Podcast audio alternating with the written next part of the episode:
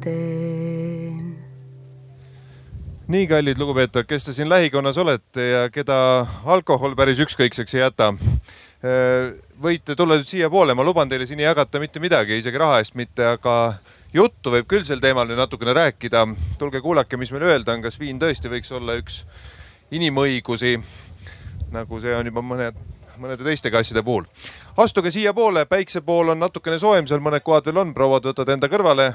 Siin on noored daamid teevad sooja teile saate sinna kõrvale minna ja siis ma tutvustan teile, kelle me siia laua ette võtame siia kalaseltsi, kes me siin täna oleme.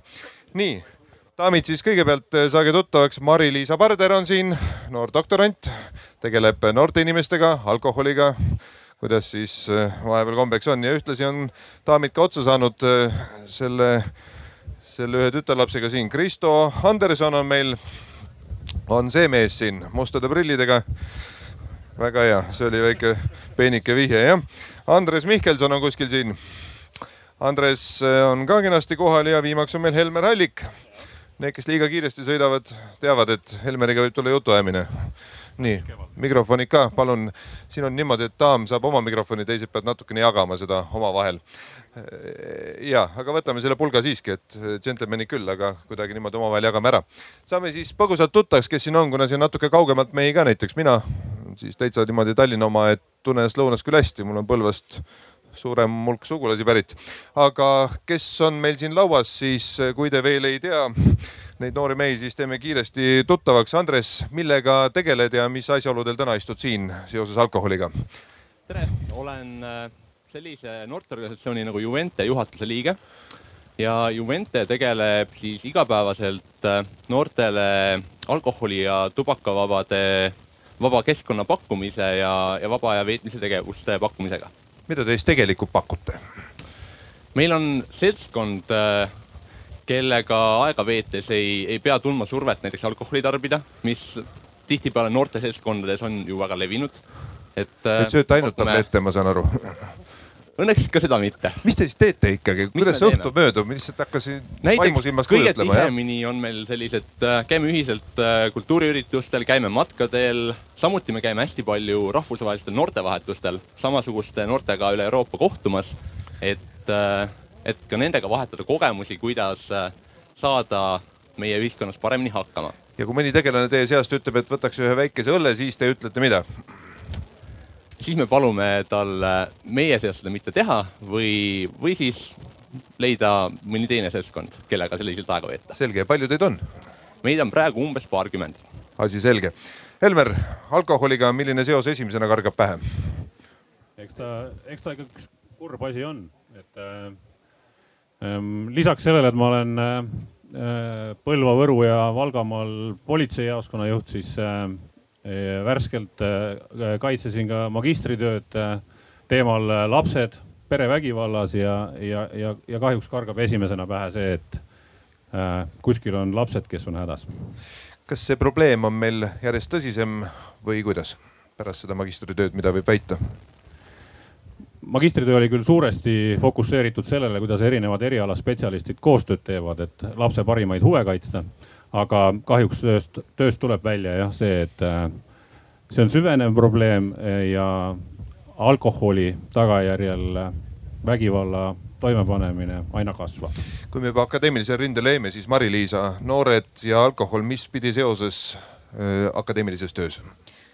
mina kirjutan oma doktoritööd ja ma keskendun seal lisaks sellele, et kuidas suhtuvad noored alkoholi, sellele, kuidas nad suhtuvad mittejoomisse.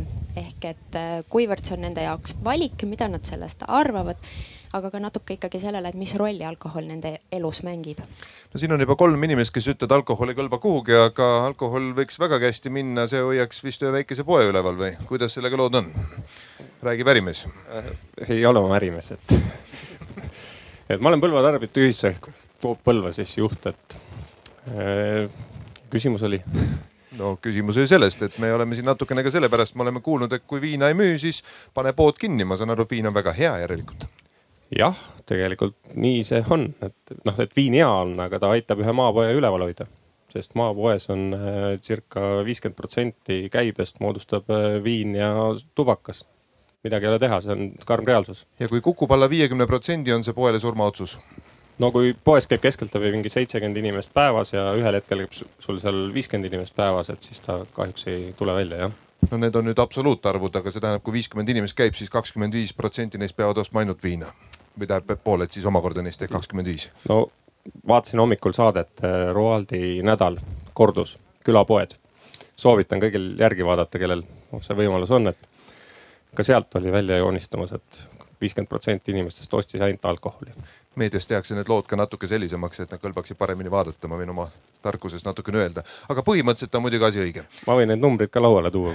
meil on nüüd jutt siin äh, inimõigusest, alkohol kui inimõigus. Soomes kuulutati hiljaaegu isegi internet inimõiguseks juba. kas me peaksime üldse sellise teema üle arutama, kas viin on inimõigus või mitte? no mõnel on kartulikrõpsud äh, inimõigus, mõnel on internet, mõnel on hamster näiteks inimõigus, et äh, kas see on üldse mingisugune küsimus? Mari-Liisa, kuidas tundub? No kui vaadata inimõiguste definitsiooni, siis sellest üks, üks moment on enesemääramisõigus. ja siit tegelikult see konfliktikoht ju tekibki, et äh, minul isiklikult ju on õigus ennast surnuks juua, kui ma tahan ja teiselt poolt on riigil õigus sekkuda kui see hakkab kahjustama teiste inimeste põhiõigusi. et meil on, meil ongi selline kahvlikoht, et kuidas me seda olukorda lahendame. no see kõrval toimub ka diskussioon teemal, et võta metsa maha, ei võta metsa maha, seal ka kahjustatakse teiste inimeste õigusi, vähemalt moraalselt. kas need on võrdel-, võrreldavad asjad?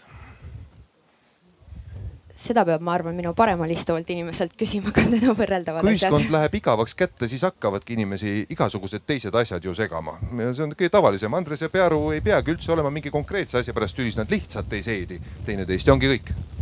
jah, nii ta on, et äh, ühelt poolt on õigus ennast surnuks juua, teiselt poolt on äh, meil oma ameti tõttu korrakaitseseaduse alusel kohustus äh, tõrjuda ohtu, kui inimese elu või tervis on ohus ehk äh, meie koos oma koostööpartneritega peame selle inimese, kellel on õigus ennast surnuks juua, päästma, et ta ei jooks. ja kui ta ennast tahab surnuks juua, keda ta siis häirib sellega? no tegelikult on äh, jah, Mari-Liis vist peab seda täpsemalt, aga tegelikult on ju niimoodi, et selle inimese ümber on äh, keegi veel, keegi lähedane ja, ja kuna lapse parimad huvid mul nii hinges on, siis äh, see on tegelikult vägivallatsemine lapse kallal, kui näiteks tema üks vanematest alkoholi liiku tarvitab. ja ongi nokk kinni ja saba lahti. ja nii lihtsalt ongi.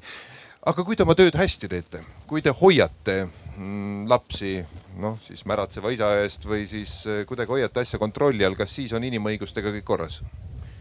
Ehm, vähemalt on see, et, et Euroopa lapse õiguste konventsiooni alusel on lapse parimad huvid alati esikohal ja kõige tähtsamad, et eh, kui on peres lapsed, siis ei ole meil küsimust mitte kunagi, et eh, lapse parimad huvid peavad saama tagatud, edasi tulevad siis juba järgmised erinevad õigused Andres, siin äh, arstid vahepeal leppisid omavahel kokku, see oli küll mitu aastat tagasi juba, et, et äkki ei räägikski sellest, et igasugune alkohol on nüüd tingimata paha, vaid räägiks sellest, et mõõdukas tarbimine tegelikult võiks olla vägagi okei okay,, sest mida sa võitled tuuleveskitega, kuskilt ta ikka nagu voolab sisse ja ja need äh, mõnedki siin läbi imbunud siin ilmselt meie seas ka, kes me siin oleme, et kuidas selle mõõdukuse ja karskuse vahekord võiks olla tänasel päeval, millest mis sünnib?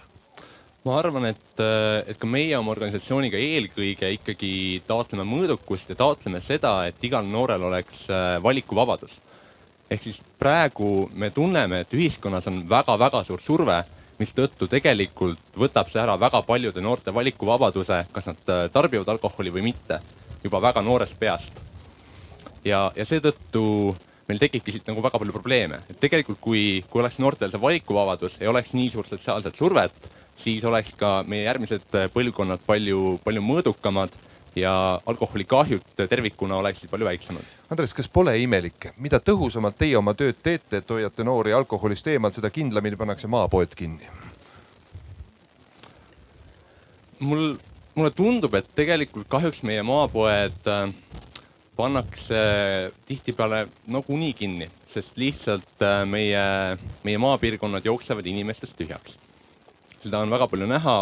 minu kodukandi maapood Kesk-Eestis pandi kinni juba ammu enne seda, kui hakkasid alkoholiaktsiisid palju kiiremalt tõusma sest lihtsalt ei olnud enam inimesi, ei olnud enam kliente. jutt on loogiline. Kristo, kas ei olegi maal niimoodi, et need, kes jäävad, on suuresti joodikud ja siis ei tohiks olla ühtegi põhjust enam jätta maapoodi nagu kinni, ehk siis nad ju niikuinii varustavad teid rahakesega, kõik, mis neil on, toovad teile räägime otse omadega, mis seal ikka siis no eks eelkõnelejal oli õigus ka, et eks need maapiirkonnad lähevad või vähenevad, rahvaarvud seal ja ostjate arvud, et.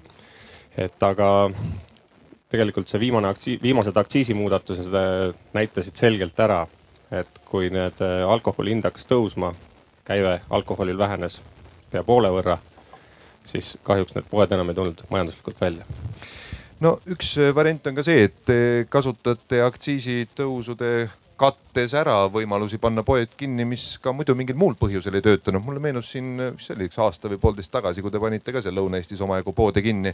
mõned olid seal vist Leevi pood näiteks tuleb meelde sealt kuskilt lõunast ja, ja sealt jäi see piir jäi ikka hästi kaugele ja siis terve Õhtuleht arutas sel teemal, et kuule, kuidas see joodik nüüd oma seal jalgrattaga nüüd kuuskümmend kilomeetrit sõidab sinna ja siis kuuskümmend kilomeetrit tagasi, et see on ikka väga otsitud põhjus. kas te tahaksite aus olla ükskordki elus? ja ma võin täitsa aus olla, mul kolleeg elab Rakveres ja Rakveres meil on. ka käib jalgrattaga või? ei, meil on taaraautomaadid seal, Narvas on taaraautomaat, Narvat väga palju see Läti ei puuduta, seal on Venemaa kõrval. aga Narva võib, meil on täna tõsine probleem, Läti panditaara, mida vastu ei võeta, see jäetakse kõik meile prügikastides. et äh, on see Rakveres probleem, on see Tallinnas probleem, et, et tegelikult see, see viiskümmend kilomeetrit, mis Leevist äh, on Läti piirini umbes. Äh, järelikult teil on ka täppisandmed Leevi prügikasti kohta Leevi prügikosti kohta mul praegult andmed puuduvad. no kuna poodi pole, siis peab prügikasti ka enam, eks ole. pood on olemas. pood on, et äh, siin klaariks ära ka selle, et äh, mis ajakirjanduses meil, et me andsime poe kohalikele õhinapõhistele aktivistidele üle, et. kuidas neil äh, läheb praegu? väga hästi. väga hästi läheb. mina elan Leevil. järelikult Coop ei oska äri teha või milles on asi? noh, kui sa teed asja õhinapõhiselt, siis on teine, aga kui sa pead kõik need asjad nagu päris seaduslikult ära ajama, siis kahjuks see poepidamine välja ei tulnud. nii et see õhinapõhine värk on siis seadusevastane või? Coopi natuke kaitstes ka siis selles mõttes kohalikule kogukonnale on ikkagi, äh, nad töötavad ikkagi põhimõtteliselt ilma palgata hetkel, nad katavad neid äh, poemüüjaid siis nii-öelda omade inimeste pealt. Äh, ja Coop, nagu ta ütles, andis neile oluliselt odavamalt selle, need vahendid seal, selle maja ja need varustuse kasutada ja nad saavad kohalikult omavalitsuselt tuge.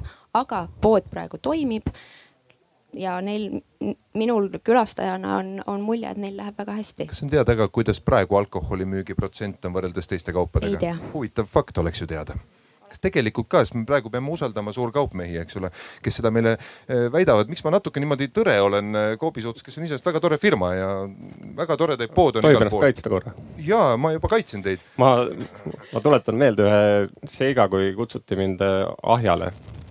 kutsuti välja, inimesed kutsusid välja, et sortiment ei ole Prisma oma, hind ei ole säästumarket, see oli üks viis aastat tagasi siis ma palusin ahja nendel kohalikel kirjutada kiri Prismale, Maximale, Rimile, et olge head, tehke pood ahjale. siis oli vaikus majas ja, ja see on nüüd tõesti kaubanduslik mõtlemine seda ei saa teile tegelikult ju ette heita, aga kas natukene küüniline ei ole, et me ütleme tõesti, et kui me viina ei müü, siis pood läheb kinni. no mõtleme lihtsalt nüüd inimeste tervise peale, kõigele sellele, et ma saan aru, et see mantraks tulnud juba omamoodi, eks ole, aga no ikkagi kõlab ta niimoodi. no tähendab, seal tuleb puhas äh, majandusmatemaatika tuleb mängu, et kui sul ei ole piisavalt katteid äh, maksta palkasid äh,, kütta, paraku on äh, jaekaubandus või toidu ja esmatarve jaekaubandus on seotud ka mingisuguste elektrikuludega, sa pead külma tootma.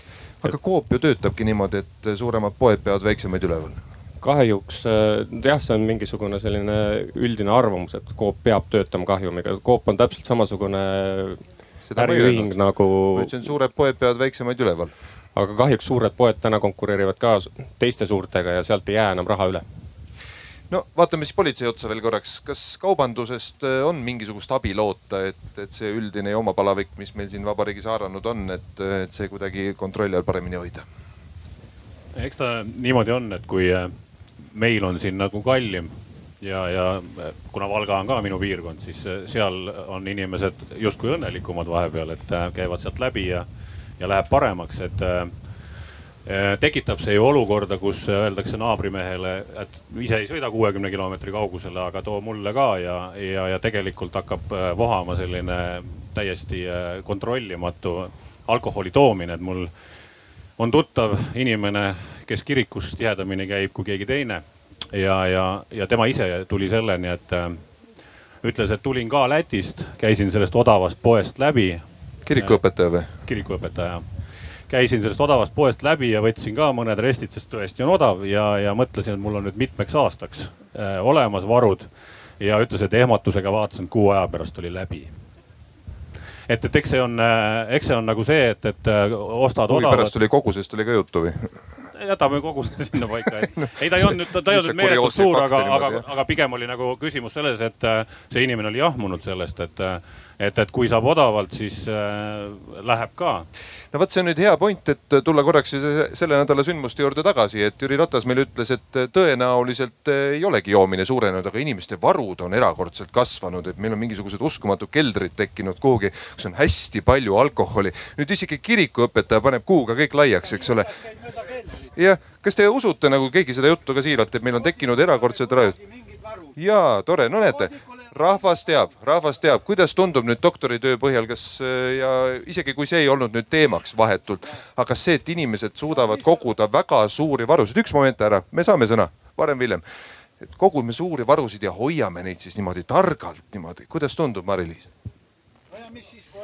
Seda on keeruline hinnata, et kas neid varusid hoitakse või mitte. inimesed ise ju selles uuringus ütlesid, et äh, päris suur hulk ütles, et nad on hakanud rohkem alkoholi tarvitama, kui nad varem tegid. samas oli seal ka hulk inimesi, kes ütlesid, et nad tarvitavad sama palju või, või isegi vähem, kui nad varem tarvitasid nüüd äh, selle uuringu pealt, et seal oli näha sellist väikest nõksu tõusu, eks ole, et senimaani on, on Eestis alkoholi tarvitamine langenud, olnud pidevalt langustrendis, nüüd oli näha sellist väikest jõnksu ülesse. seda, kas see on nüüd trendimuutus või, või on see on see juhuslik, seda me näeme, ma arvan, aasta pärast, kui Konjunktuuriinstituut avaldab nüüd siis kahe tuhande seitsmeteist, kahe tuhande kaheksateistkümnenda aasta aasta andmed, et, et mis see number sealt edasi teeb. ma oskan noorte kohta öelda nii palju, et enne veel, kui kogu see aktsiisimöll äh, alguse sai ja nii, nii suureks teemaks läks, siis kaks tuhat viisteist, kaks tuhat kuusteist ilmus siis Eesti kooliõpilaste tervisekäitumise uuring. seal siis uuritakse üksteist, kolmteist, viisteist vanuses noori ja nende, nende alkoholi tarvitamist, see on ne, iga nelja aasta tagant toim, toimuv uuring. ja kuni aastani siis, kuni siis eelneva uuringuni oli, olid need numbrid tõusvas trendis ja nüüd viimane kaks tuhat viisteist, kaks tuhat kuusteist enne alkoholiaktsiiside tõusu näitas langustrendi. nüüd jällegi, kas see oli juhuslik või mitte, seda me näeme millal tulevad uued? Äh, see on siis üheksateist, kakskümmend, kaks tuhat kakskümmend me saame järgmised, saame tutvuda järgmise raportiga, et mis need numbrid siis teevad või mitte, aga seal mis oli sisetunne näha. ütleb? sisetunne nende noortega, äh, mina ei uuri seda, kui palju äh, noori alkoholi tarvitab, mina uurin seda, kuidas noored alkoholi enda jaoks mõtestavad, mida nad sellest kõigest arvavad, mis rolli see nende elus mängib. ja nüüd see kuus aastat, mis ma olen uurinud, pluss kaks aastat magistritööd ette näitab, näitab seda, et kuigi meie noored tarvitavad Euroopaga võrreldes ikkagi väga palju alkoholi ja nad joovad väga tihti ja nad joovad purju ennast, siis see on pöördumas natuke muudatuse poole, et, et minu uurimistööst tuligi välja selline asi, et noored ise otsivad võimalusi mittejoomiseks, neil on tugev sotsiaalne surve ühiskonna poolt ja kaaslaste poolt, aga ja seda ei ole mujal maailmas väga, väga leitud või väga uuritud, aga nad otsivad võimalusi. ma ei taha alkoholi tarvitada, ma tegelikult tahaks sellel peol kaine olla, aga ma ei oska. olen ka käinud mööda Eestit palju ringi, üheksandikega hästi palju rääkinud ja mulle tõesti tundub, et on tekkinud mingisugune seltskond, kelle jaoks on jonn see, ma põhimõtteliselt ei lähe selle juraga kaasa. ja neid, kes ka ei häbene kätt tõsta, kui sa küsid, et jood või ei joo? ei joo ja keegi ei naera ka seal toas enam. Või siis no mõni teeb seal kuskil nurgas, eks ole, aga see ei ole enam häbiasi iseenesest. küsimus on ainult, kas on mingisuguse väikese segmendi selline väikene jonn ja üldine seltskond paneb ikka samamoodi edasi või mitte, kuidas tundub?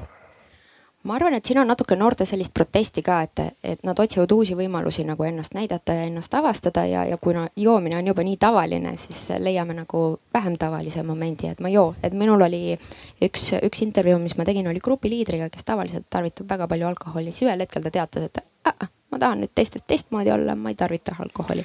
aga kui kaua tal see periood kestis, vaat seda ma ei tea kahjuks. samas olen näinud ka viieaastaseid lapsi, kes eh, kuuldes, et minnakse jälle Lätti, teevad üsna ühemõttelise näo pähe, teadagi, miks minnakse Lätti.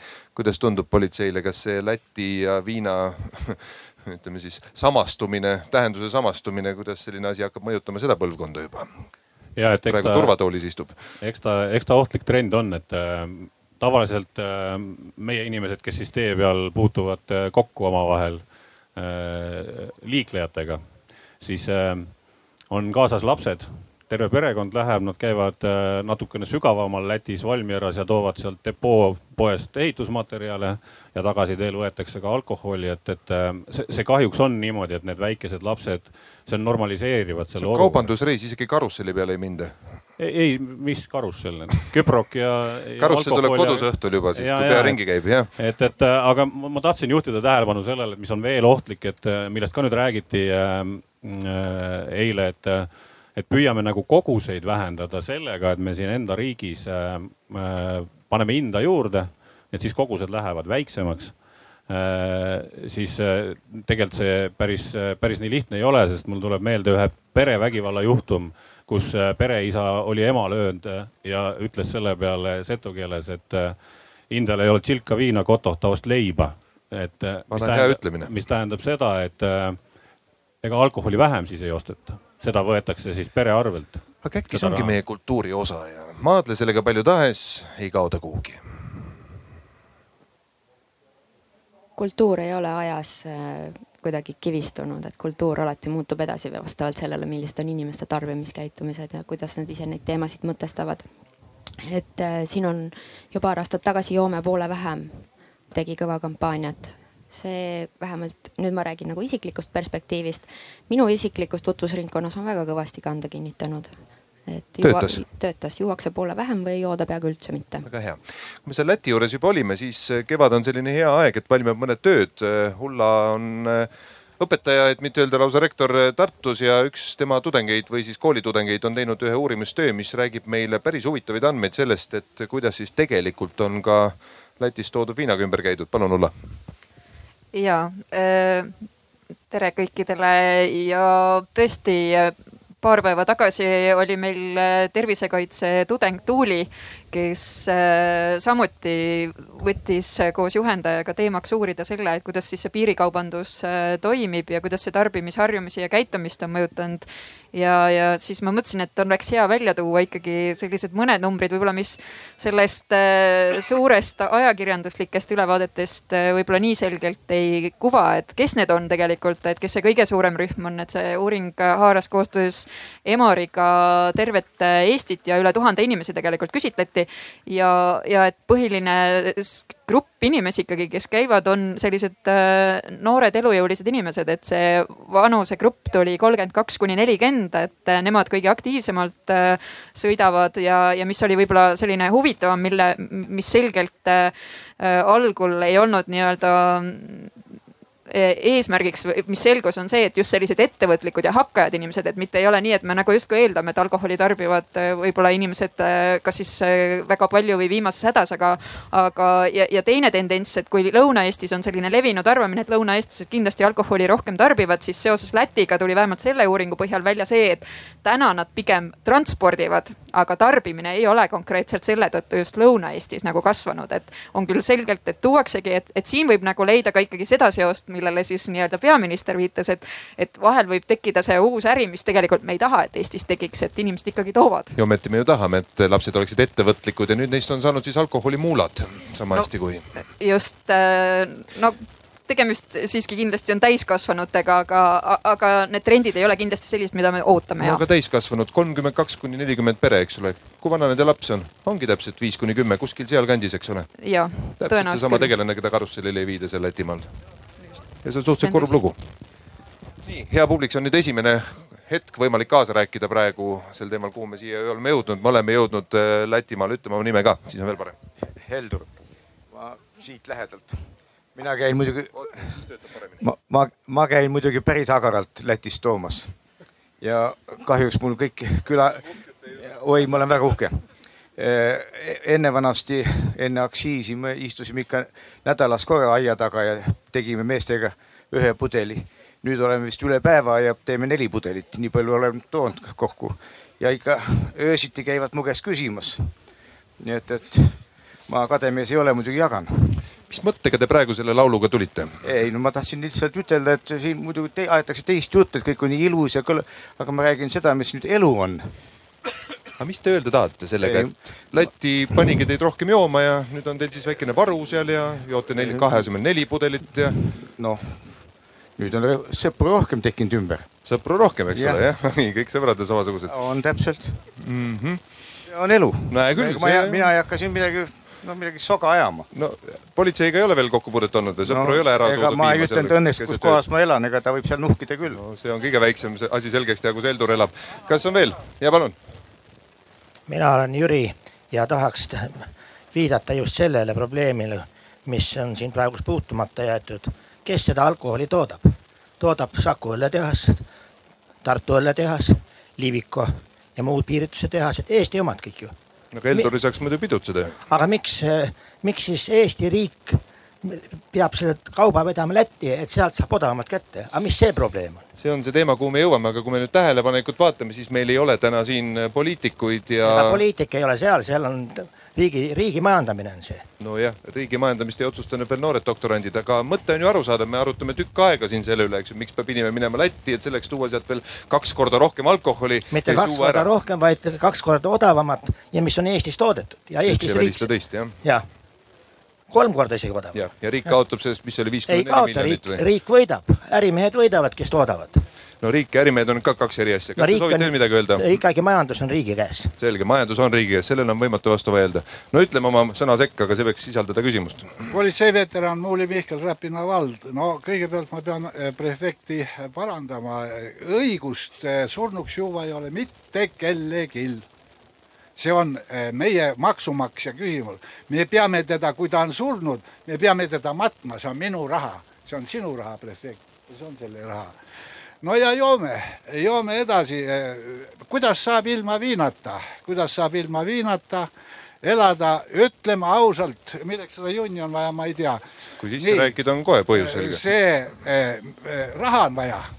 meie väiksel, vaesel, sõjas oleval riigil on vaja raha, et sõdida Afganistanis ja nuumata jänka, jänkisid mm. -hmm. Vot milleks on meil raha, nii.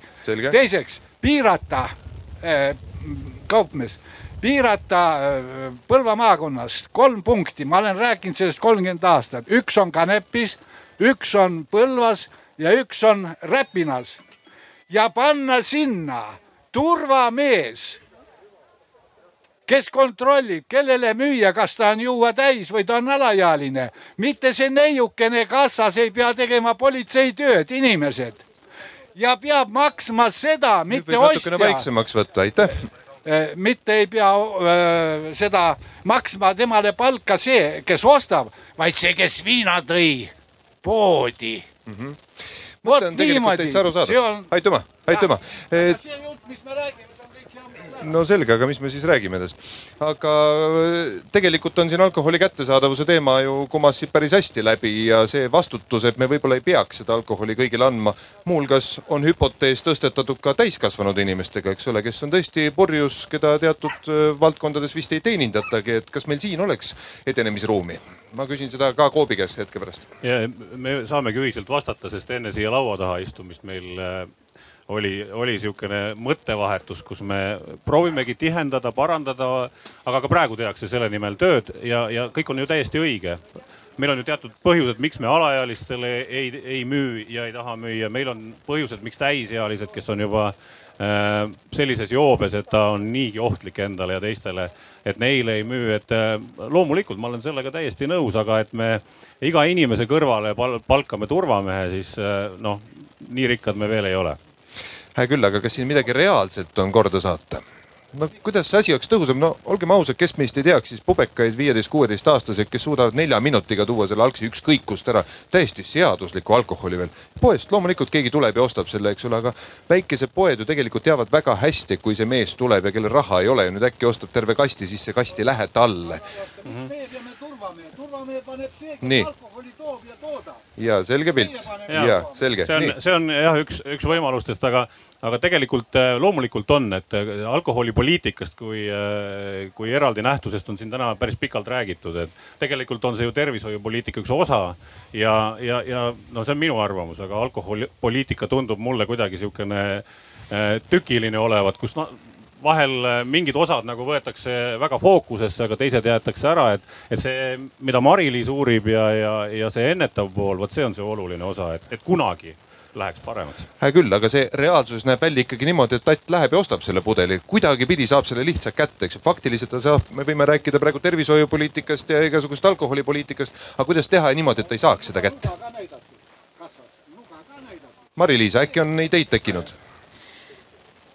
Noored, noored saavad jah alkoholi kätte. seda on ka minu intervjuudest välja tulnud ja kui küsida, et mida siis teha saaks, siis ma ütleksin, et üks meede siin on mitte vaadata nüüd kuhugi kaugele, et mida keegi teine kuskil teha saab, vaid on mida mina ise teha saan. ja üks moment, mis minu arust Eestis ei ole väga palju teemaks olnud ja millele ei ole väga palju rõhku pööratud, on kodused alkoholivarud, olid ka enne alkoholiaktsiisi see on see, kust, kust teismelised ka saavad alkoholi kätte. isa baarikapp, ema baarikapp, kodus olev alkohol, kui see pudel on lahti ja sealt natukene on kadunud, seda ei panda kohe tähele. kas seda ütleb meile doktoritöö või lihtsalt vaist? seda ütlevad nüüd need intervjuud, mida ma olen teinud, see ei tähenda, et see kehtib kõigile, aga need noored, kes on jaganud oma kogemust, et kust nad kätte saavad, tõesti üks, üks koht on kodused alkoholivarud, see on murekoht. kas mitte vanasti ei olnud olemas lukustatavaid baarikappe?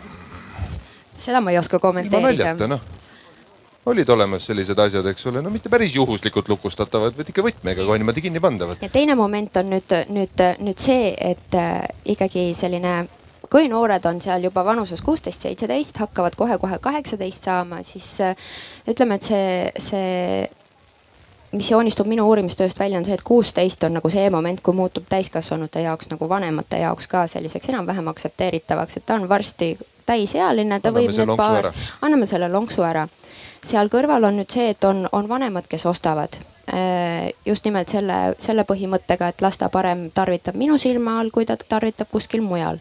ja on vanemad õed-vennad, vanemad sugulased, tädid, onud, oma lähedased inimesed, kes selle alkoholi toovad, et selle jaoks ei pea üldse, üldse müüja, müüja otsa vaatama, et müüjat on võimalik kontrollida. Ja ega nad väga palju, need Tai testostud on ka näidanud, et ega nad väga väga nii, nii enam kätte ei saa, kui nad varem said no. aga just see kodune, kodune olukord, lähedased inimesed. jutt ka, meil on siin suur kampaania olnud, et aitäh, ema, et sa ei pakkunud mulle viina ja aitäh, isa, et sa teinud seda, see on ka natuke mõjunud või ei ole?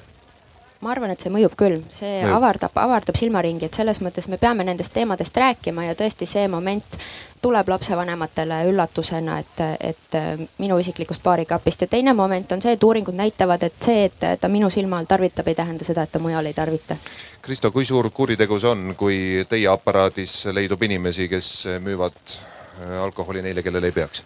Äh, see on väga õige küsimus selles suhtes, et me oleme sellest aastast alga-, alates või tegelikult me oleme juba varem ka pööranud tähelepanu, aga sellest aastast järjest rohkem tähelepanu selle alaealiste alkoholi müümine, müümisele.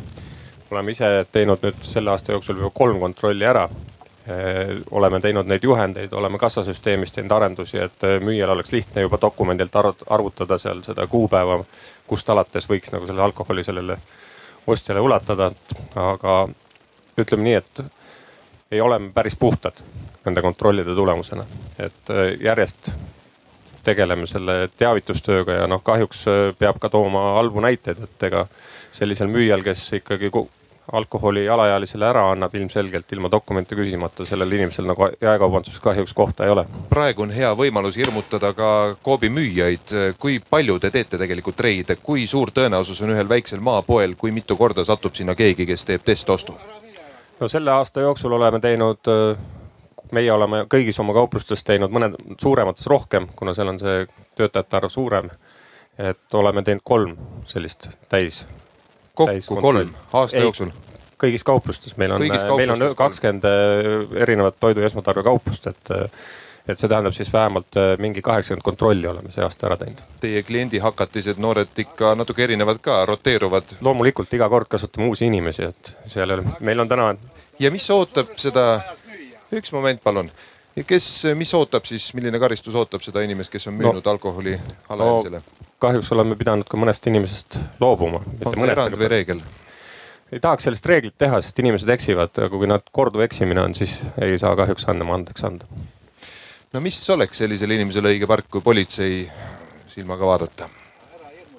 no juriidilises äh, vaates on tegelikult ju asi lihtne, et äh, alaealisele alkoholi äh, kättesaadavaks tegijal on kriminaalkaristus. see on kriminaalkaristus ja te ei lase isegi inimest lahti mitte.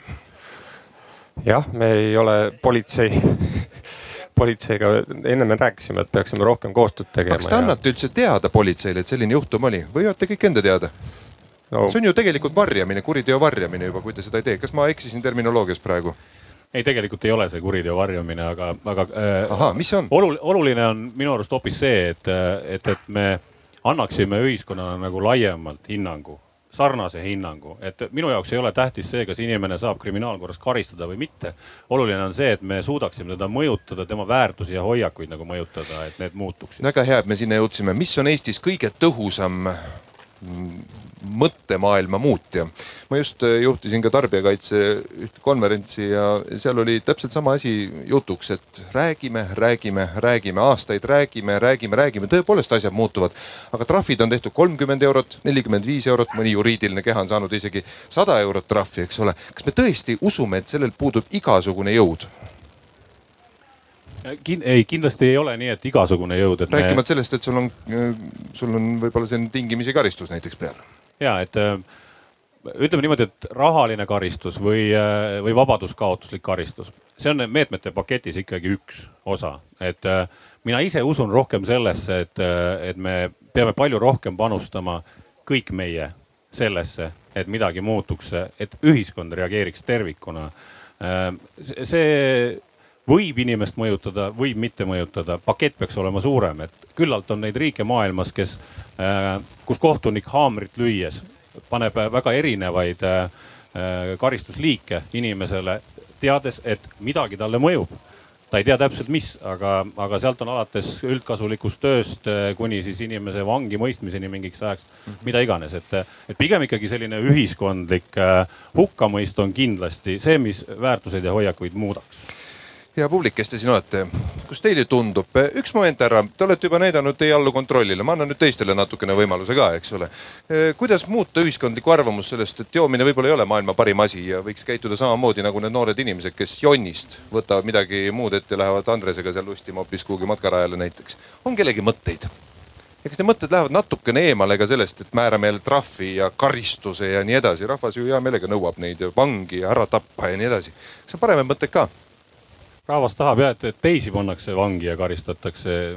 Enda ja enda lähedaste osas on mõtted natuke teised mm. -hmm. mis endale sobib? Endale sobib need muud alternatiivid, et, et mis on nagu pehmemad. teeme kampaaniat ja, ja., just. no kõik kampaania usku võib-olla, näed, väga häid ideid ei tulnud praegu siit saalist. kampaaniatest natuke oli juttu, aga kas on veel midagi tõhusamat? no see baarikapp ja lukustatav sai ka natukene võib-olla utreeritud näide, eks ole, aga Andres, kas on mingisuguseid häid mõtteid, kuidas tegelikult võiks reguleerida seda ühiskondlikku arvamust natuke paremini? meiepoolne vaade on olnud see, et tegelikult äh, peaks sellele võib-olla lähenema ka läbi haridussüsteemi. praegu meile teadaolevalt ei ole sellist äh, täielikult läbimõeldud äh, lahendust, et kuidas läheneda üleüldse põhikoolis äh, alkoholi ja tubaka teemadele niimoodi, et äh, et see ei oleks lihtsalt ühekordne, et on nüüd räägitud ja, ja nüüd jätame selle teema. kas on ettepanekuid? ettepanek oleks võib-olla riiklikult äh, läbimõeldud viia läbi sellist praktilist õpet, et äh, ei ole lihtsalt, et keegi tuleb ja räägib sulle ühe korra, näiteks tuleb politseist keegi või.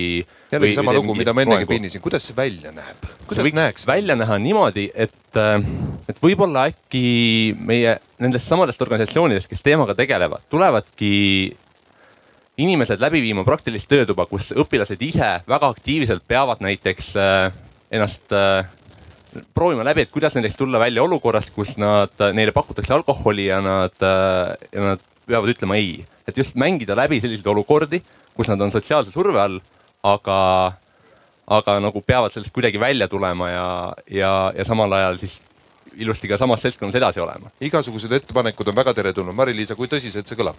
Ehm, ma tegelikult äh, võtaksin siit sõnajärje tõesti üle, et, et äh, noorte jaoks see tõesti kõlab tõsiselt just nimelt see, et lisaks läbimängimisele see, et nad saavad neid teemasid arutada. see on üks moment, kus ma praegu teen natuke soovitusi haridussüsteemile ka oma doktoritöös.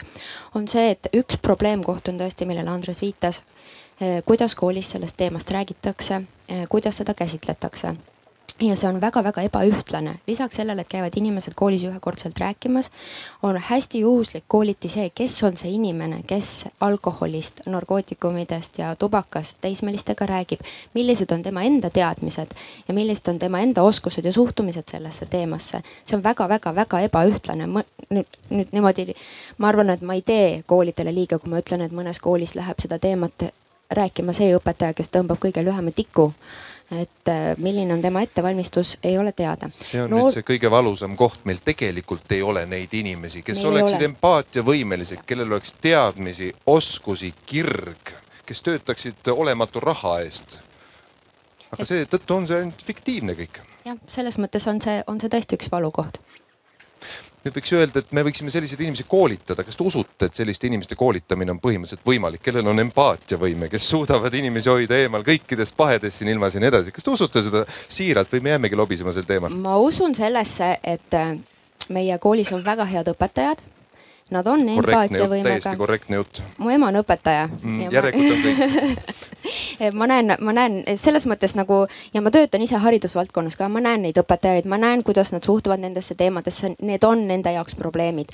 meile tuleb, no ma räägin oma, oma ametipositsioonilt, meile tuleb koolitusele inimesi, me räägime väärtustest ja sellest, kuidas, kuidas siis üldse nendest elulistest teemadest koolis õpetajad saaksid õpilastega rääkida, nii et sellel oleks mingi mõju ja need õpetajad tulevad meie koolitustele tõesti tõsiste muredega, sest neil ongi sellised probleemolukorrad lahendada, kus nad ise ei tea, neil puudub informatsioon, neil puuduvad võib-olla ka oskused ja nad otsivad vahendeid. meie koolides on need inimesed olemas, kes otsivad võimalusi ja vahendeid ja tahavad asju ära teha. huvitav, mida õpetaja Laur oleks teinud, kui Toots oleks hakanud suitsetama kogu aeg, jah, nurga taga. mis ta oleks teinud? ma, ma arvan, et viiuli oleks saanud keegi teine. viiuliga pähe võib-olla ei, ma arvan, et ta ikka oleks ta viiuli juurde viinud. vähemalt tundub nii. mõnus mõte, see tähendab, et me räägime tegelikult millegi andmisest, me räägime heaga mõjutamisest, see kõlab väga vingelt. ma lihtsalt kuulan seda juttu ja jällegi skepsis läheb väga suureks, ma ka nagu elust tulnud inimene, te olete kooli näinud, ma olen elu näinud näiteks, eks ole, jah. vaatan ka ja mõtlen, et äh, kas see kõik on ikka võimalik. teate, millest noored räägivad, kui jutt on äh, koolilõpupeost? üheksandlikud. ja ma tahtsin seda tegelikult üles. teha, et tõsta, tõstke publikum, tõstab käe, et, et kui öeldakse lõpuläbu, siis mida see tähendab? mida see siis tähendab? Lähme Rootsi, kaks ööd lausjoomist, eks ole, ja õpetajad tõmbavadki tikku, kes peab kaasa minema nendega nüüd öelge, kuidas seesama õpetaja saab tulla teises tunnis ja öelda, et alkohol on paha? see öö, kooli lõpuläbu, noortel ei vaja see enam mingit definitsiooni ka, et öö, sellest räägitakse avalikult ja häbenemata, on liiga hilja. see moment on juba liiga hilja. meie, see, kust ma oma uurimistööd alustasin, oli, oli internetifoorumid, kus noored käivad abi küsimas üksteiselt, ise, ise oma muresid jagamas selles osas, et ma ei taha enam juua, alkoholi tarvitamine on minu jaoks probleem. see on üks vähemus. ja ei, aga mis ma tahan öelda, on see, et kas te teate, kui vanad need noored on, kes seal foorumis arutamas käisid? kõige no. nooremad olid üheksa-aastased, üheksa, kümme, üksteist. aga Lätis käiakse viie ja seitsmeaastaselt juba harjutamas, järelikult läheb asi juba sinna lasteaia ikka väikest natuke, viisi. natuke kipub jah, selles mõttes alkohol ei ole midagi, mis tuleb täiskasvanu elus, see on kogu aeg inimeste, inimeste ümber olemas, ka laste ümber on see olemas. küsimus on selles, et kes ja mis hetkel sellega tegelema peab, see ei ole ainult kooli vastutus, see on ka lapsevanemate vastutus. Kristo, on teil lapsi? kaks. kaks, no vanus kuskil seal kümne kandis ka? Äh, üksteist ja seitse. kuidas te neile selgitaksite, panite ühe kaupluse kinni, kuna viinamüük oli väike? Miks ma peaks seda, neile seda selgitama? no aga küsib näiteks ühel päeval, vaatab, et televiisoris räägib onu, et äh, isa räägib siis jah, ütleb, et näe, panime poe kinni. miks viina pärast on vaja kauplus kinni panna? kas nüüd järgneb loeng majandusest? ma just mõtlesin, et ma sinna ei hakkaks laskuma, et. või hoopis tõusma. see on ju silmakirjalik lugu tegelikult mis on olulisem, seal kõrval arutati täpselt sedasama. kas võtame metsa maha selleks, et mets oleks palk, millest me maja ehitame ja müüme selle kuskile mujale maha, eks ju. või tegeleme hoopis mingite esteetiliste ja eetiliste väärtuste hoidmisega, mõtleme loodusele ja nii edasi. kumb on ikkagi olulisem? ohohoo, küsimusest ei saanud aru ma mõistan seda. ettevõtjad ei pruugigi sellest aru saada tingimata alati. aga las ta tühi siis olla ma ütlen, pahandada saavad need, kes on kohal. ja kuna siin on kohal praegu üks esindaja kogu kaubandusvõrgu eest ja Coop ei ole neist sugugi kõige hullem, siis tema sai vastu pead natuke ma tahaks kohe nagu väga ettevõtjate kaitseks, et äh, oma kunagises ametis ma väga palju puutusin nendega kokku ja, ja, ja me, me teadlikult nagu tekitame täna konflikti, justkui ettevõtjad oleksid äh, selles olukorras nagu äh, sellised pahad ja, ja, ja me, ja me viit-, paneme selle vastutuse nagu neile ja me tahame selle vastutuse ära võtta täna inimeselt endalt. ja, ja kogu selles diskussioonis ka, mis täna riigis võib-olla on toimunud, et me liiga selgelt nagu noh, võib-olla see tuleb ka sellest, et meie suurtootjad on ise nagu pildil ja, ja, ja ütlevad ja, ja sellepärast nad jäävad ka sinna vahele. aga ütleme, kogu see poliitika, mis selle ümber on ja see väärtuskasvatus, et, et justkui ettevõtlus oleks halb, ka see, et täna on alkoholitootjad, justkui see oleks iseenesest halb, et ja, ja rääkimata metsast ja kõigest muust, et. aga kas see natukene ka lihtsalt ei kõla, et, et ärme nüüd või paneme lihtsalt nüüd inimesele vastutuse, elu on ju näidanud, et jamad on, muidu meil ei oleks ju politseid ka vaja, eks ole. me lihtsalt ütleme, et vastutus on inimesel ja kui inimene ei vastuta, siis no mis siis parata? Tegelikult ongi, ma nagu selles mõttes oli hea meel näha seda diskussiooni hoopis selle ühiskonna poole pealt ja sellise väärtuste kasvatamiste poole pealt ja, ja täna, kui me oleme keskendunud sellele aktsiisipoliitikale, mis on väga selgelt nagu kaubanduse ja, ja ettevõtlusega seotud, et, et äh, Mari-Liisa minu meelest ütles äh, vähemalt eel, enne, kui me arutasime ja, ja, ja korra, kui Helmeriga ka rääkisime, et, et me nagu just ei vaata tervikuna kõike, et me võtame täna mõnes mõttes, ma ütleksin küll, et, et vähemalt riigi valitsejatel on see selge roll, et ta peab valima valima prioriteedid, milliste meetmetega me lahendame ja täna on justkui valitud üks ja, ja mindud ainult nagu selle teed, et äh, see on see ime, imevits, mis meil äh, selle olulise teema ära lahendab ja, ja see on võib-olla see, miks me võimendame ja siis, kui me paneme vastanduma. mis teed me peaksime nüüd minema? Samal ajal äh, selle aktsiisipoliitikaga, mis selgelt on liiale näinud, seda, seda näitavad kõik ka tervishoiu kõrgkooli äh, õppejõud täna peavad ütlema, et aktsiisipoliitikaga mindi liiale, et selles mõttes see, et me ju selgelt tervishoiu valdkonna eest seisame, ei, ei tähenda seda, et meil oleks terve mõistus olemas. kahtle juba suurem jagu Eestis, aga mis on lahendus äh,? Oluline on minna ikkagi edasi nende samade nii-öelda ühiskondlike võimalustega. ühelt poolt on see, mida saab teha nii-öelda äh, lasteaias, nii-öelda alushariduses või koolihariduses, see, mis puudutab noori. aga täiskasvanutel, näiteks mina tegin üks aasta läbi sellise asja, et äh, Facebookis oli kampaania, et äh, teeme sellel aastal null aasta. see oli nagu uusaasta lubadus ja ma tegin selle nagu terve aasta läbi. et ja, ja see oli raske, ma ütlen ausalt, tänu sellele, et esimesed kolm kuud kolleegid õudselt survestasid, oli mõni selline õhtu või kampaania, kuna kõik teadsid, et ma olin ikkagi enne alkoholi tarbinud. ja, ja nüüd nad lihtsalt ei mõistnud, nad ei mõistnud, mis sinuga juhtus, miks sa teed. aitäh, Ulla, ma üldse ei vähenda selle väärtust, Kristo. jah, et ma tegelikult äh, siin on alkoholipoliitikast palju juttu olnud, et äh, need meetmed olid aktsiisitõus et ma astuksin paar aastat tagasi, et kaks tuhat viisteist tegelikult needsamad ettevõtjad, kes siin pahad-pahad on, et äh, kaupmeeste liidus olevad äh, suuremad jaeketid kui Kristo, ka. ma lihtsalt selgitan vahepeal välja, minu töömeetod on see, kui ma teid närvi ei, ei aja, siis vastuseid ei, ei tule. ma, ma selgitan ja, ära. võtke isiklikult seda. ei, ma ei võta isiklikult, et ma räägin lihtsalt, astun kaks sammu tagasi, et et kaks tuhat viisteist tegelikult Kaupmeeste Liit ja Kaupmeeste Liidus olevad suured jaeketid ja tegelikult ka suuremad alkoholitootjad, Saku, A Le Coq äh, pakkusid härra Ossinovskile et äh, palkame rahvusvahelised äh, spetsialistid, töötame korraliku tervikliku alkoholipoliitika välja. et äh, kõik need osapooled olid nõus selle kinni maksma. Ossinovski jalutas sellest toast välja. et täna oleme selles seisus, et meil on enamus on, enamus asju on Lätis, kogu sellest kaubandusest kolmandik vähemalt on läinud meie alkoholimüügist. et kas, kas nüüd ei oleks aeg asjad tagasi keerata, et minu arust on see Väga küsimus hea. nagu. aitäh, aga kui keeraks asjad tagasi, kujutage ette, et järgmisest aastast näiteks on kõik täpselt nii, nagu oli enne Lätit. kuidas politseile tundub, kas midagi on juba pöördumatult kahjustunud? oleme midagi õppinud, vastupidi, oleme palju mõistlikumad, elame oma varude peale, Jüri Ratas saab öelda, et juh ei, meil ei joodagi. ma arvan, et äh, nagu on Ulla ja siin Mari-Liis öelnud, et et asi, asi ikkagi on selles, et kui meil on tarbijaid, kui meil on nõudlust, siis on pakkumus, tuleb see Lätist, tuleb see Eestist või veel mingist kolmandast riigist, et. asi ma, ei ole Lätis. asi ei ole Lätis ja ma, ma tahtsin nagu öelda, et minul on ka kaheteistaastane poeg, kahekümne kahe aastane tütar. Eh, aga minust endast hakkab see pihta, et minu kaheteistaastane poeg praegu mõned aastate pärast äh, oskaks iseendaga hakkama saada, et äh, iga päev isa ütleb talle, et ma armastan sind mida isa veel sind. ütleb siis, kui tuleb üks päev lõpupeole minna ja kaks päeva Rootsi laevas? aga nagu Mari-Liis ütles, et äh, siis on isal juba hilja öelda, et vaata, et sa alkoholi ei tarvita. nii et kui poeg tuleb- seda juba ütleb, siis isa on tegelikult oma töö jätnud tegemata ja võib ennast maha kanda. Miks maha kanda? no ta siis teeb? ikka edasi. mis ta siis teeb, kui ta ikka räägib? viieteist-aastaselt jumala normaalne mõte ju. no ma, ma väga-väga usun sellesse, et, et äh, kaksteist aastat olen ma teda iga päev armastanud hoolega ja, ja talle seda öelnud. see kõlab nii ilusti, mul on pisar silmast. aga et äh, oluline on see, et ma olen talle olemas, ma hoian teda, ma olen talle toeks. ma olen tõesti heldinud sel hetkel, aga mida on meie isad jätnud tegemata, mida üks isa targalt on teinud, rääkimata sellest, et öelnud oma pojale, et jah, ma armastan teid nagu ka loodetavasti oma naist ja teisi lapsi. Mida veel võiks teha?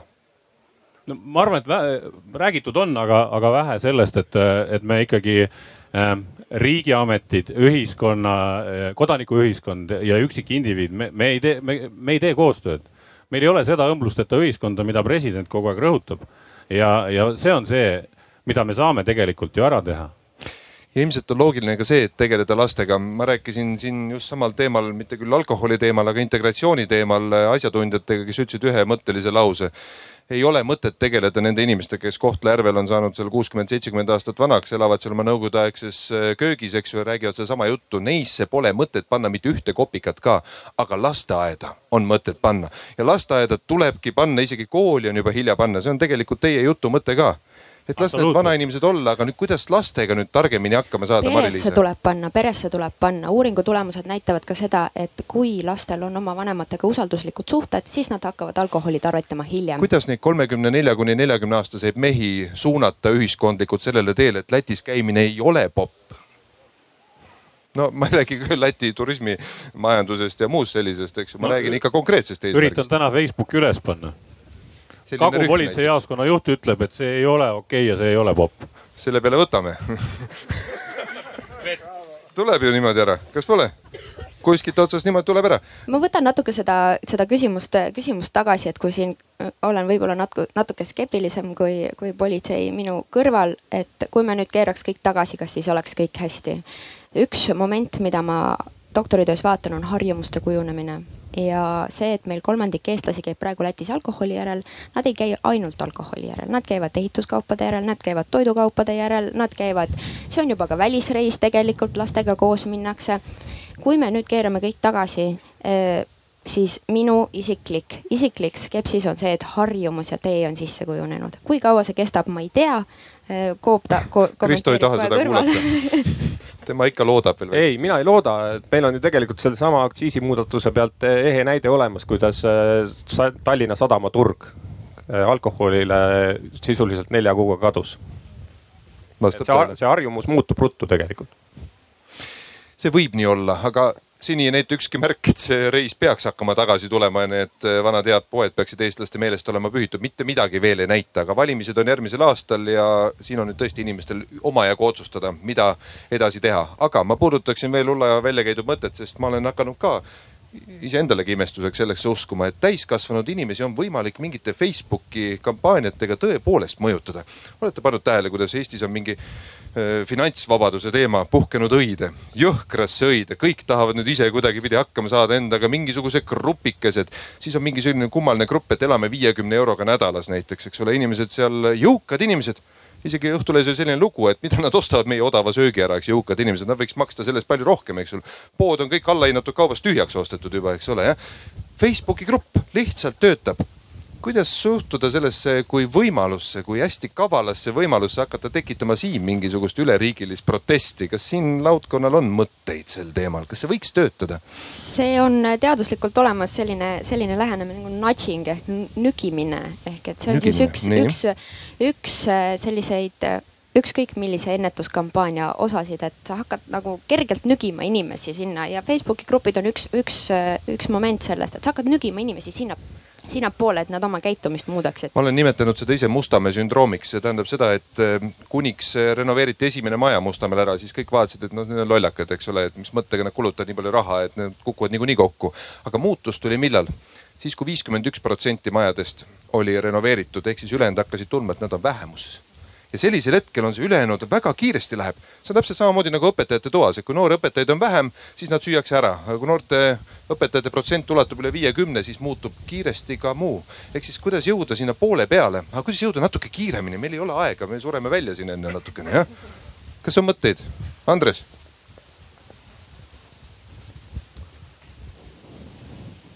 ma arvan, et võib-olla ikkagi hakata peale, peale noortest. Et, et seesama teema, et me mõtleme haridussüsteemis selle ilusti läbi. me, me teeme noorteühendustega sellel teemal tööd ja see on nii noor poliitiku jutu moodi, siin on nii palju nii kandilisi termine, ma saan aru, et Andrese mõtted on kõige paremad. aga vasta mulle palun ühele lihtsamale küsimusele.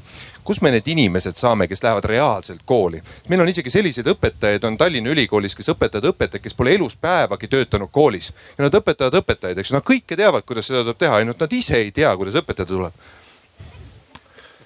ja olen, olen sellega nõus, olen ise koolis Kust töötanud. kust me saame need inimesed aga...? kas ei tundu, et see on mingi vabatahtlik aktsioon, selline, et tõmbame need inimesed, testime nad läbi, igaüks ei saa. aga kui sa juba oled välja valitud, siis sa saad endale ühiskondliku koormise. vot lähed, käid ühe aasta, nüüd oled sunnismaine seal koolis ja enne sulle passi tagasi ei anta, kui sa seal pole ära käinud ja tulemuslikult veel ma arvan, et need programmid, näiteks Noored Kooli ja, ja Noore Õpetaja Huviklubi teevad selles osas praegu väga head tööd et, et saada uuesti õpetajaamet piisavalt populaarseks, saada neid inimesi, kes suudavad ka näiteks alkoholi teemal teha, teha koolis head tööd. kas see on eraldi peatükk nende väljaõppes ja nende praktikas? alkohol, igasugused muud asjad, jumal küll, tabletilugu võib olla paljudele palju popim, need, kes on kukupaid, ei joo mitte midagi, need söövad tablette, nii et anna olla.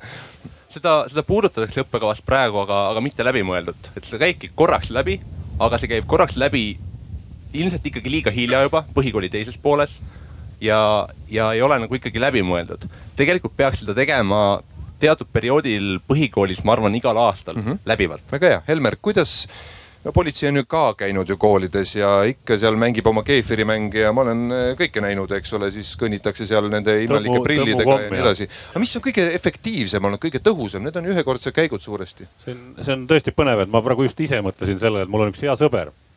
ta nimi on Immanuel kes on äh, ise siis aastaid äh, äh, vaevelnud alko ja nark narkootikumide. see on see kirikuõpetaja või, ei ole? minu teada ta veel ei ole kirikuõpetaja. veel ei ole kirikuõpetaja. aga, aga tema, temaga me teeme nüüd koostööd, ta, ta tõesti on kogemusnõustaja, sest me läheme ja räägime selliselt, et kaheksa aastat tagasi mina olin arestimaja juht ja tema oli arestialune. nüüd me teeme koos tööd selle nimel, et teised seda ei tarvitaks. ma ei usu ka sellesse, nagu Mari-Liis ütles, et et äh, õpetaja, kes ei, ei tea narkootikumidest midagi, läheb ja räägib veendunult, et äh, see on paha, et seda ei usu mitte keegi. samamoodi politseinik, kellel pole sellega kuidagi empaatiliselt kokkupuudet, siis ei ole ka. nii et Aga võiks olla üks politseinike lend, kes on olnud korralikud narkarid kolm-neli aastat ja siis saadetakse kooli ma äh, e, ega ütleme niimoodi, et politseisse on ka inimesi sattunud, me nüüd kakskümmend ja kakskümmend viis aastat hiljem räägime oma vägitegudest. Neil on kogemus, nad teavad. jah, jah, et ka, ka minu lapsepõlves on olnud komisjon unistusi ja, ja ega midagi teha ei ole. on äh, need asjad üles, äh, üles loetletud, sellega tegeldud ja, ja tegelikult äh, teinekord mõistad kedagi. selliseid inimesi ka on, Jaano Rässa näiteks on teinud siin ridamisi mingeid õppefilme, eks ju, kuidas seal vanglas olemine on ja siin Aavo Üprus, eks ole, on teadagi ju kriminaali minevikuga mees, eks ole. kas neid kuulatakse ka rohkem, on neil siis empaatiavõime ka kohe automaatselt tagatud või? Vähemalt äh, minu sõbra Immanueli puhul on see, et äh, noored kuulavad, noored äh, räägivad kaasa ja nad räägivad väga targasti kaasa, et me pahatihti arvame, et lapsed on mingisugused objektid, kes ise ei oska, ei tea, ei saa aru, et meie teame, mis on lastele parim. tegelikult teavad lapsed, mis on neile parim. meie asi on tema eluilma rikastada ja rikastada just nende väärtustega, mis meid edasi viib. ma ütleksin ka, et võib-olla need üksikud, üksikuid üritusi ei peaks nagu kuidagi neisse negatiivselt suhtuma, need on üks kivi sellest vundamendist, need peaksid oma kohal olema, samamoodi peaks seal tulema teised elemendid juurde. aga ma hüppan natuke teemaga teise kohta asi, mida me praegu väga põgusalt puudutasime. et me räägime hetkel ennetusest, aga me peame rääkima ka siis tagajärgedega tegelemisest ehk inimestest, kellel juba on probleem ja, ja mida, mida me nende heaks teha saame. Eestis praegu hetkel ei ole olemas väga head süsteemi sõltlaste raviks.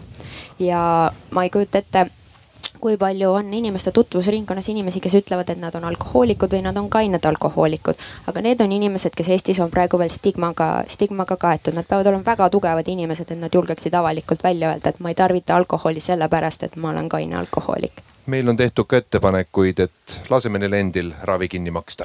Siis saavad teada, mida see tegelikult tähendab, ühiskond on sellest patust vaba, no kas turvamees pea siis kõrvale panema seismagi, eks ju, lihtsalt maksab, nutab ja maksab, nutab ja maksab, kuidas mõjub selline mõte? No vähemalt minu uurimustööst tuli see välja, et inimene, kellel on, ei ole ressursse tegelikult endaga hakkama saamiseks ja kui me paneme talle koormat juurde, siis me võime suht kindlad olla, et see inimene läheb rohkem ikkagi allakäiguspiraali mööda.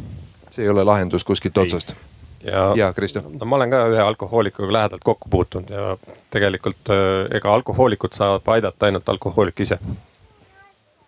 see on üks kõlavamaid mõte, mis siin täna on. narkarile võib juttu pidada narkar ja alkohoolikule alkohoolik, ilma naljata. Aga. Need õpetajad enamasti see..., kes meie koolides õpetavad, ei ole tavalised joomarid, suitsetajad ja veel vähem mingite popide, tablettide tegijad. see tegelikult on mõtlemise koht, meil ikkagi on vaja väljast inimesi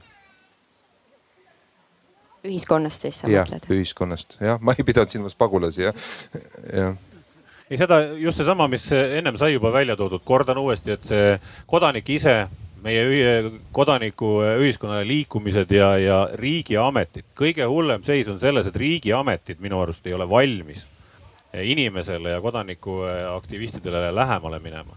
meil on nii suured äh, erialabarjäärid politseil võimubarjäärid, et me ei, ei, ei suuda kuidagi inimestele lähemale minna, et, et äh, riigiametitel on palju ära teha, et minna inimeste juurde.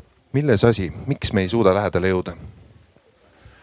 Ma arvan, et see tuleb meie ajaloost, et me oleme niimoodi kunagi alustanud, äh, need ametnikud, kes praegu töötavad Äh, sellel on ajalugu taga, eel, eelnevad meie kolleegid ja, ja, ja see ei tule, siin oli jutt, et võiks kiiresti tulla. ei, ei noh, kiiresti ta ei tule, see võtab aega kõik, aga mina olen juba valmis minema inimese juurde ja tegema temaga koostööd. kihvt. see on sama raske nagu see alkoholi käitumise muutmine. On seesama, et miks äh, poliitika või oma, need äh, ametnikud ei suuda minna rahva juurde, et see on tõsi ja kui isegi politseis mõni kõhkleb, ei suuda tegelikult rääkida seda juttu. teate, mis on tänaste noorte kõige suurem probleem? ma olen rääkinud koolipsühholoogidega, mis te arvate? mida nemad ütlevad, depressioon, aga millest see tuleb väga tihti? stress. jah, see on, see on ka väga lähedane, aga mis selle taga veel on, mis seda tekitab? Suuresti, mis te pakute veel? see on nelja psühholoogi ühine arvamus, no loomulikult mitte täiesti mastaapselt kandev sotsioloogiline uuring, aga see on praktiseerivate inimeste arvamus. teate, seal taga on üksindus üksindustunne on nii suur, see tekitab väga suuresti stressi internet tekitabki üksindustunnet, sest need inimesed, kes seal tegelikult, nad ei ole sõbrad. Neil ei ole kellegagi rääkida, see käib laigi ralli lihtsalt, eks ole, laigi saab siis, kui teine sulle ka laigi pani, see on matemaatika, eks ole, võib selle kohta öelda. ühe küsimuse veel, enne kui ma annan publikule veel sõna mm,. suitsetamise vastu võitleme kuidas? koledad pildid muuhulgas veel, jah. kas siin on ka mingisugune võimalus alkoholi puhul, et me kuidagi teeme jäledamaks seda alkohooliku kuvandit, noh tõesti, siis ma ei tea, kas samasugused pildid pudelil kõlab muidugi äärmiselt klišeelikult, aga kas siin on ka veel mingisugune kasutamata ressurss või pigem mitte, kuidas teile tundub? Minu arust nüüd äh, mindi nagu sellega kaugemale, et, äh, et, et alkoholireklaami piiramine muutus suuremaks, alkoholi enda reklaamimine, aga see vastureklaamimine. Äh, no ma vaatan vist vähe, vähe. terve internet on ju täis padu reklaami. see, kui kuskilt massimeediast natuke võetakse maha, noored ei ela televiisoris enam. ei ab, absoluutselt saan aru ja, ja, ja ise internetis küll surfates, aga järelikult vähe vastureklaami ma väga ei näe. jah praegused reklaamipiirangud muidugi tegelikult laienevad ikkagi ka sotsiaalmeediale, et, äh, et nagu need muudatused on juba tehtud, aga selleks, et nüüd näha tulemusi, me peame lihtsalt ikkagi ootama ja vaatama hakata nüüd kohe mingisugust vastureklaami hoopis veel tegema, ma arvan, et see tekitaks liiga palju trotsi nii, nii kaupmeestes kui, kui paljudes teistes osapooltes. et äh, ja ühiskonnas üldisemalt ka, et ma arvan, et pigem me peamegi praegu vaatama, mis nüüd just praegu alles jõustunud muudatuste tagajärg on ja, ja siis analüüsima, et kas minna edasi kuhugi. kas kolepildid suitsupakkidel on täitnud oma eesmärgi või ei ole, kas keegi oskab siin sel teemal öelda midagi? lisaks arvamusele? üldisemalt ütlevad uuringud, et hirmutamine omab lühiajalist efekti. kui lühiajalist? Et esimest korda, esimest nädalat vaatan neid kolepilte, pärast lihtsalt ostan selle paki ja ei vaata neid ühel kunagi hetkel enam. jõutakse sinna taga, tagasi jah, et äh, praegused uuringud seda ütlevad. see ei ole tõhus. aga need hirmutamispildid jälle siin on see, et äh, see moment juures, et see hirmutab eemale alaealised ja see hirmutab, kuna ta tekitab ikkagi selle lühiajalise efekti, siis nad jõuavad selleni hiljem, kui nad võib-olla jõuaksid ilma piltideta. abiks on ikka, aga võib-olla see ei ole liiga tõhus. hea küll, me oleme päris palju punkte läbi käinud, siin ongi selleks publik, et saaks nüüd kaasa arvata, kellel on soov. Nii. Ehm, mina räägin oma kogemustest ja mina julgen arvata küll, et käskude ja keeldudega laste, lapse juures kuskile ei jõua. tänapäeva kõige suurem probleem on see, et vanematel ei ole aega või nad ei taha oma lastega rääkida ma Mina... ainult segan nii palju vahele, kas te teate, mitu minutit räägib Eesti isa keskmiselt oma lapsega, sihuke uuring tea, on olemas. pakkuge välja, iga päev. ei tea, no vii-, kümme minutit. kaks, kaks., jätkame jah.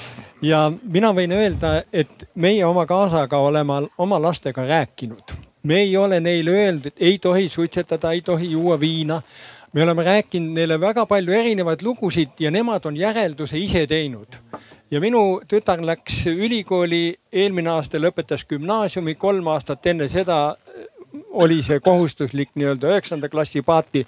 ta tuli igalt ürituselt tagasi täiesti kaine peaga ja mul ei olnud mitte mingisugust isegi noh probleemi mõelda, et äkki seal midagi juhtub. ehk tegelikult kõik hakkab sellest kas me räägime, kas sellest juttudest inimesed oskavad hakata sättima omale mingisugust positiivset elu eesmärki ja strateegiat, kui see on, kui see on käes. kuidas me räägime? mitte ainult, kas me räägime. jah, aga räägi, tuleb ka rääkida lugusid, tuleb rääkida lugusid ja nende lugude rääkimistest mm. inimesed teevad, vähemalt lapsed teevad oma järeldused.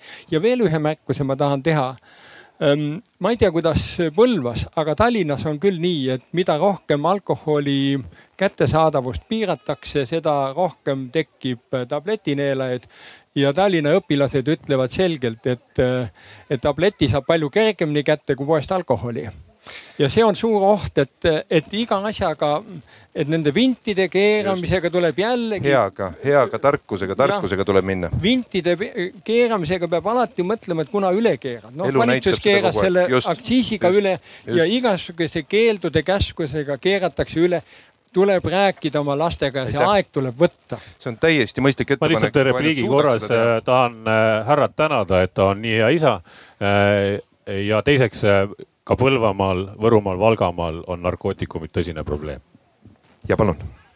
mul on üks na natuke lühemalt palun ja võtame selle mikrofoni niimoodi hästi suu ette, siis teised ka kuulevad, nii. mul on üks naiivne mõte sellel samal alko teemal. siin on sarjatud tootjaid ja Lätist toojaid, räägitud koolitustest koolis, lasteaias, vestlustest kodus ja pereringis. aga kui läheneks asjale niimoodi, et looks noortele lihtsalt valikuvõimalusi kas hankida pudel ja see sõpradega või üksinda koos ära tarbida või, või luua reaalseid tegevusvõimalusi noortele. mida Andres siis teeb? Andres tegelebki sellega. matkamiseks, hobitegevusteks no,. Ja ma arvan, et need ei pea mingid väga ülikooliharidusega või kõrgelt koolitatud eestvedajad olla. Piisab sellest, kui kusagil on külaplats, kus saab võrkpalli mängida, nagu meie vanasti tegime, tegime. Ja kui algul ei ole tulijaid, siis mõne aja möödudes neid tuleb proua, ma olen teiega täiesti, täiesti päri olen teiega, aga seal on üks lüli on puudu ja see on see üks inimene. kas te teate Tuve Kärnerit siitsamast, äh, mitte siitsamast, ma mõtlesin, ma olen Järvamaal korraks, Arvamusfestival, nii tugev äh, identiteet juba jah. Järvamaal, Järva-Jaanis on Tuve Kärner nimeline mees, see on uskumatu tegelane, ta suudab üksi selle ühe persooni ümber koondada mingisugused potentsiaalsed vanglasse minejad kõik. Neid on seal kakskümmend, kolmkümmend, nelikümmend, viiskümmend, ta lihtsalt tegeleb nendega autodega, seal ajab mingisugust värki, ta ise on surnumatjas kuni tuletõrjujani, eks kõike teeb. ta on lihtsalt sihukene mees sees. üks võrkpalliplats ei päästa, ma julgen teile öelda, neid on terve eurorahaga esitatud meil täis. just, nad tuleb kokku viia kuidagipidi. palun, ühel noorel mehel sõna tervist, ma, mul on kaks noort poega, üks on kolmene ja teine on viiene. Lätis käite ei käinud, ma ise tarbin alkoholi väga vähe ja teine asi on see, et äh, kuidas mina hakkasin alkoholi jooma, oli see, et minul oli kehv isa eeskuju ja siis äh, minust vanemad inimesed olid isa eeskujuks ja nemad jõid, nii ka mina hakkasin ka jooma. see selles mõttes, et kui praegu poodi lähen oma kahe pojaga või, üks asi, mis mulle igalt poolt vastu vahib, on alkohol. mu lapsed kõnnivad alkoholilettide vahel, see on nende jaoks sama hea kui maasikas või. Nad ju näevad, et inimesed võtavad, ahah, see on täiesti normaalne. alkohol tuleb panna sinna kuskile, kuhu lapsed ei näe teda. ja teine asi on see, et koolidesse tuleb viia lapsed metsa loodusesse ja, ja sealjuures rääkida, et eeskuju ei ole alkoholi joomine või.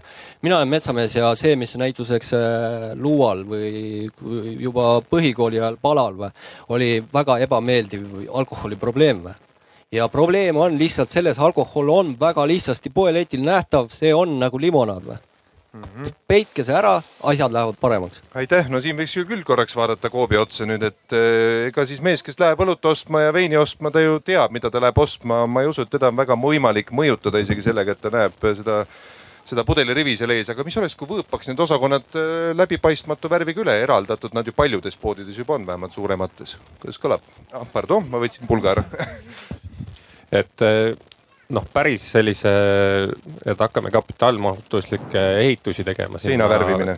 et seina saab ikka värvida ja kõik meie uued kauplused, mis lähevad. pange nüüd kirja protokolli, seina saab värvida, ütles Coop. seina Nii, saab värvida, aga, aga eks me oleme ka nüüd üritanud kõik igal pool, kus me kauplused ümber tõstame, eh, teha need osakonnad nagu niimoodi, et neid on võimalik vältida. aga eh, probleem tekib väikestes maapoodides just, et kuidas seal et sellega nii noh, tegelikult me võime väidelda siin sellel teemal väga pikalt, et äh, me oleme seda ju Kaupmeeste Liidus ja igal pool mujalgi väga palju uurinud ja. paneks selle leti alla selle kraami kõik. see on suhteliselt tööjõumahukas jällegi. tõsta leti alla, tehke suuremad letialused. keegi peab selle sealt äh, välja ka võtma, et et. kas teil on sellised paindumatud? ma tahan nagu jõuda pointini, et kui me hakkame päris hakkame seinu ehitama ja mingeid eraldi osakondasid tekitama, siis äh, sealt tekivad kulud juurde ja see kahjuks äh, tuleb nagu efektina igale poole mujale kaubale. Kristo, aga kui nüüd ausalt ütlete, siis asi ei ole ju tegelikult selles, et kas nüüd keegi ei jaksa kummarduda või kes seal ruumi on, see on ikkagi turunduslik võte, et need asjad peavad olema näha. noh no öelge nii nagu no, on, ega te ei pea varjama. päris nii ei ole nõus, et. ei ole turunduslik võte? ei, ei noh ta on võib-olla tootja jaoks turunduslik võte, minu pärast võiks need viinapudelid olla kõik ühesugused ja ega ega see, kes nagu seda viina tuleb ostma, see valib juba seal poes selles riiulil, mida ta võtab, et äh, selles suhtes kaupmehele ta turunduslik ei ole, ma arvan. äkki küll, teie arvamus on kõlanud, ma ühe teema veel siia lõppu viie minutiga tõstatan.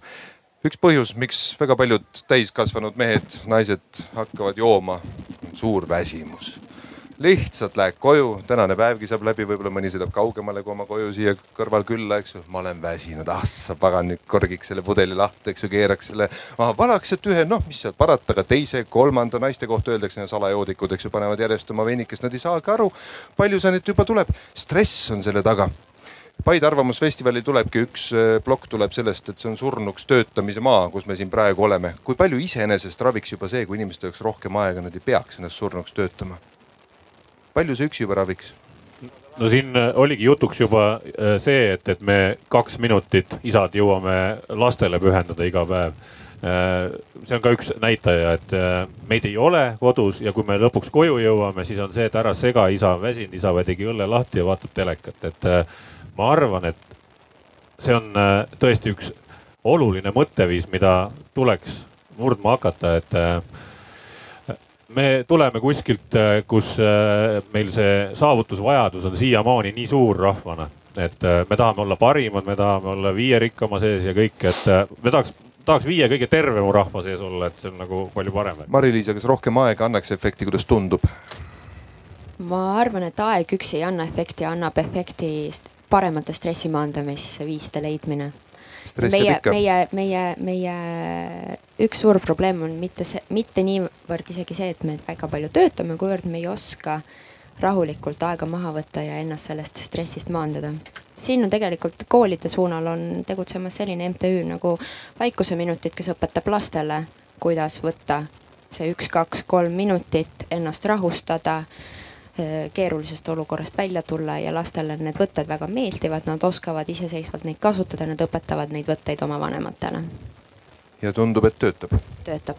ja kommentaar siit veel ma lisaks nii palju, et äh, isad võiksid äh, teha sihukese kampaania Lähme lapsega kalale, siis ei ole teil aega õlut juua, selles mõttes, et te olete looduse keskel. ja mina käin oma lastega, nad on, üks on kolmene, teine on viiene, nad oskavad ise juba spinningut loopida või. ja see on fantastiline koosolemise aeg või, ja teil ei jätku aega alkoholi jaoks tundub olevat kampaania, et äh, räägime lapsega poole rohkem ehk neli minutit. see on ka juba suur asi. poole rohkem on muide kolm minutit, viiskümmend protsenti juurde teeb kolm minutit kokku ja merel on lubatud null koma kaheksa promilli muide ja see on ka ajalugu, mis tähendab, et mees mõtleb kalale ja kala paadile, siis ta mõtleb pudelile paat on paraku ettekääne, ma saan aru, et siin on üks avalikkusest äh, võib-olla veel puudutamata jäänud ja sellest kohutavast elust nii-öelda räsimata jäänud noormees, aga mis parata, üldsus mõtleb kallale mineku suhtes väga paljuski teistmoodi. ma ei tea, mis aitab, aga mulle tundub ka, et selle jutu kokkuvõtteks peaksime ütlema, et lastega, lastega, kui me ise ei saanud hakkama, vähemalt lastega võiksime müdistada natukene. tõstame kõigepealt kahelt minutilt kolmele, kolmelt neljale poolele kogu aeg viiekümne protsendi kaupa, aga nii iga päev. siis varsti on tulemus käes ja võib-olla lisan siia juurde, et, et kui need teismelised siis alkoholi tarvitavad, siis äh, tasub oma peres mõelda selle peale, et kuidas teha nii, et kui nad selle tõttu mingisse olukorda satuvad, siis nad julgevad oma vanemale helistada, mitte ei jäta sõpra kuhugi lumme magama või bussipeatusesse üksinda neid inimesi on vaja. Ja kui see ei ole sinu ema või isa, siis kuskil on üks Tuve Kärner veel, kes võib võtta ja teha selle töö ära, aga kuidas need inimesed üles leida, mul on muide teooria, et kui need inimesed oleksid olemas, siis nad oleks juba üles leidnud. Need tegelased, neid lihtsalt ei ole. aga võib-olla nad kasvavad praegu. Väga hea mõte, see on ilus mõte, et ma kuivatan hetke pärast pisara. Ja tänan kõiki neid daame ja härrasid, kes siin on. Ja teid ka. Aplodeerime kõik kõigile, aitäh. nii, aitäh.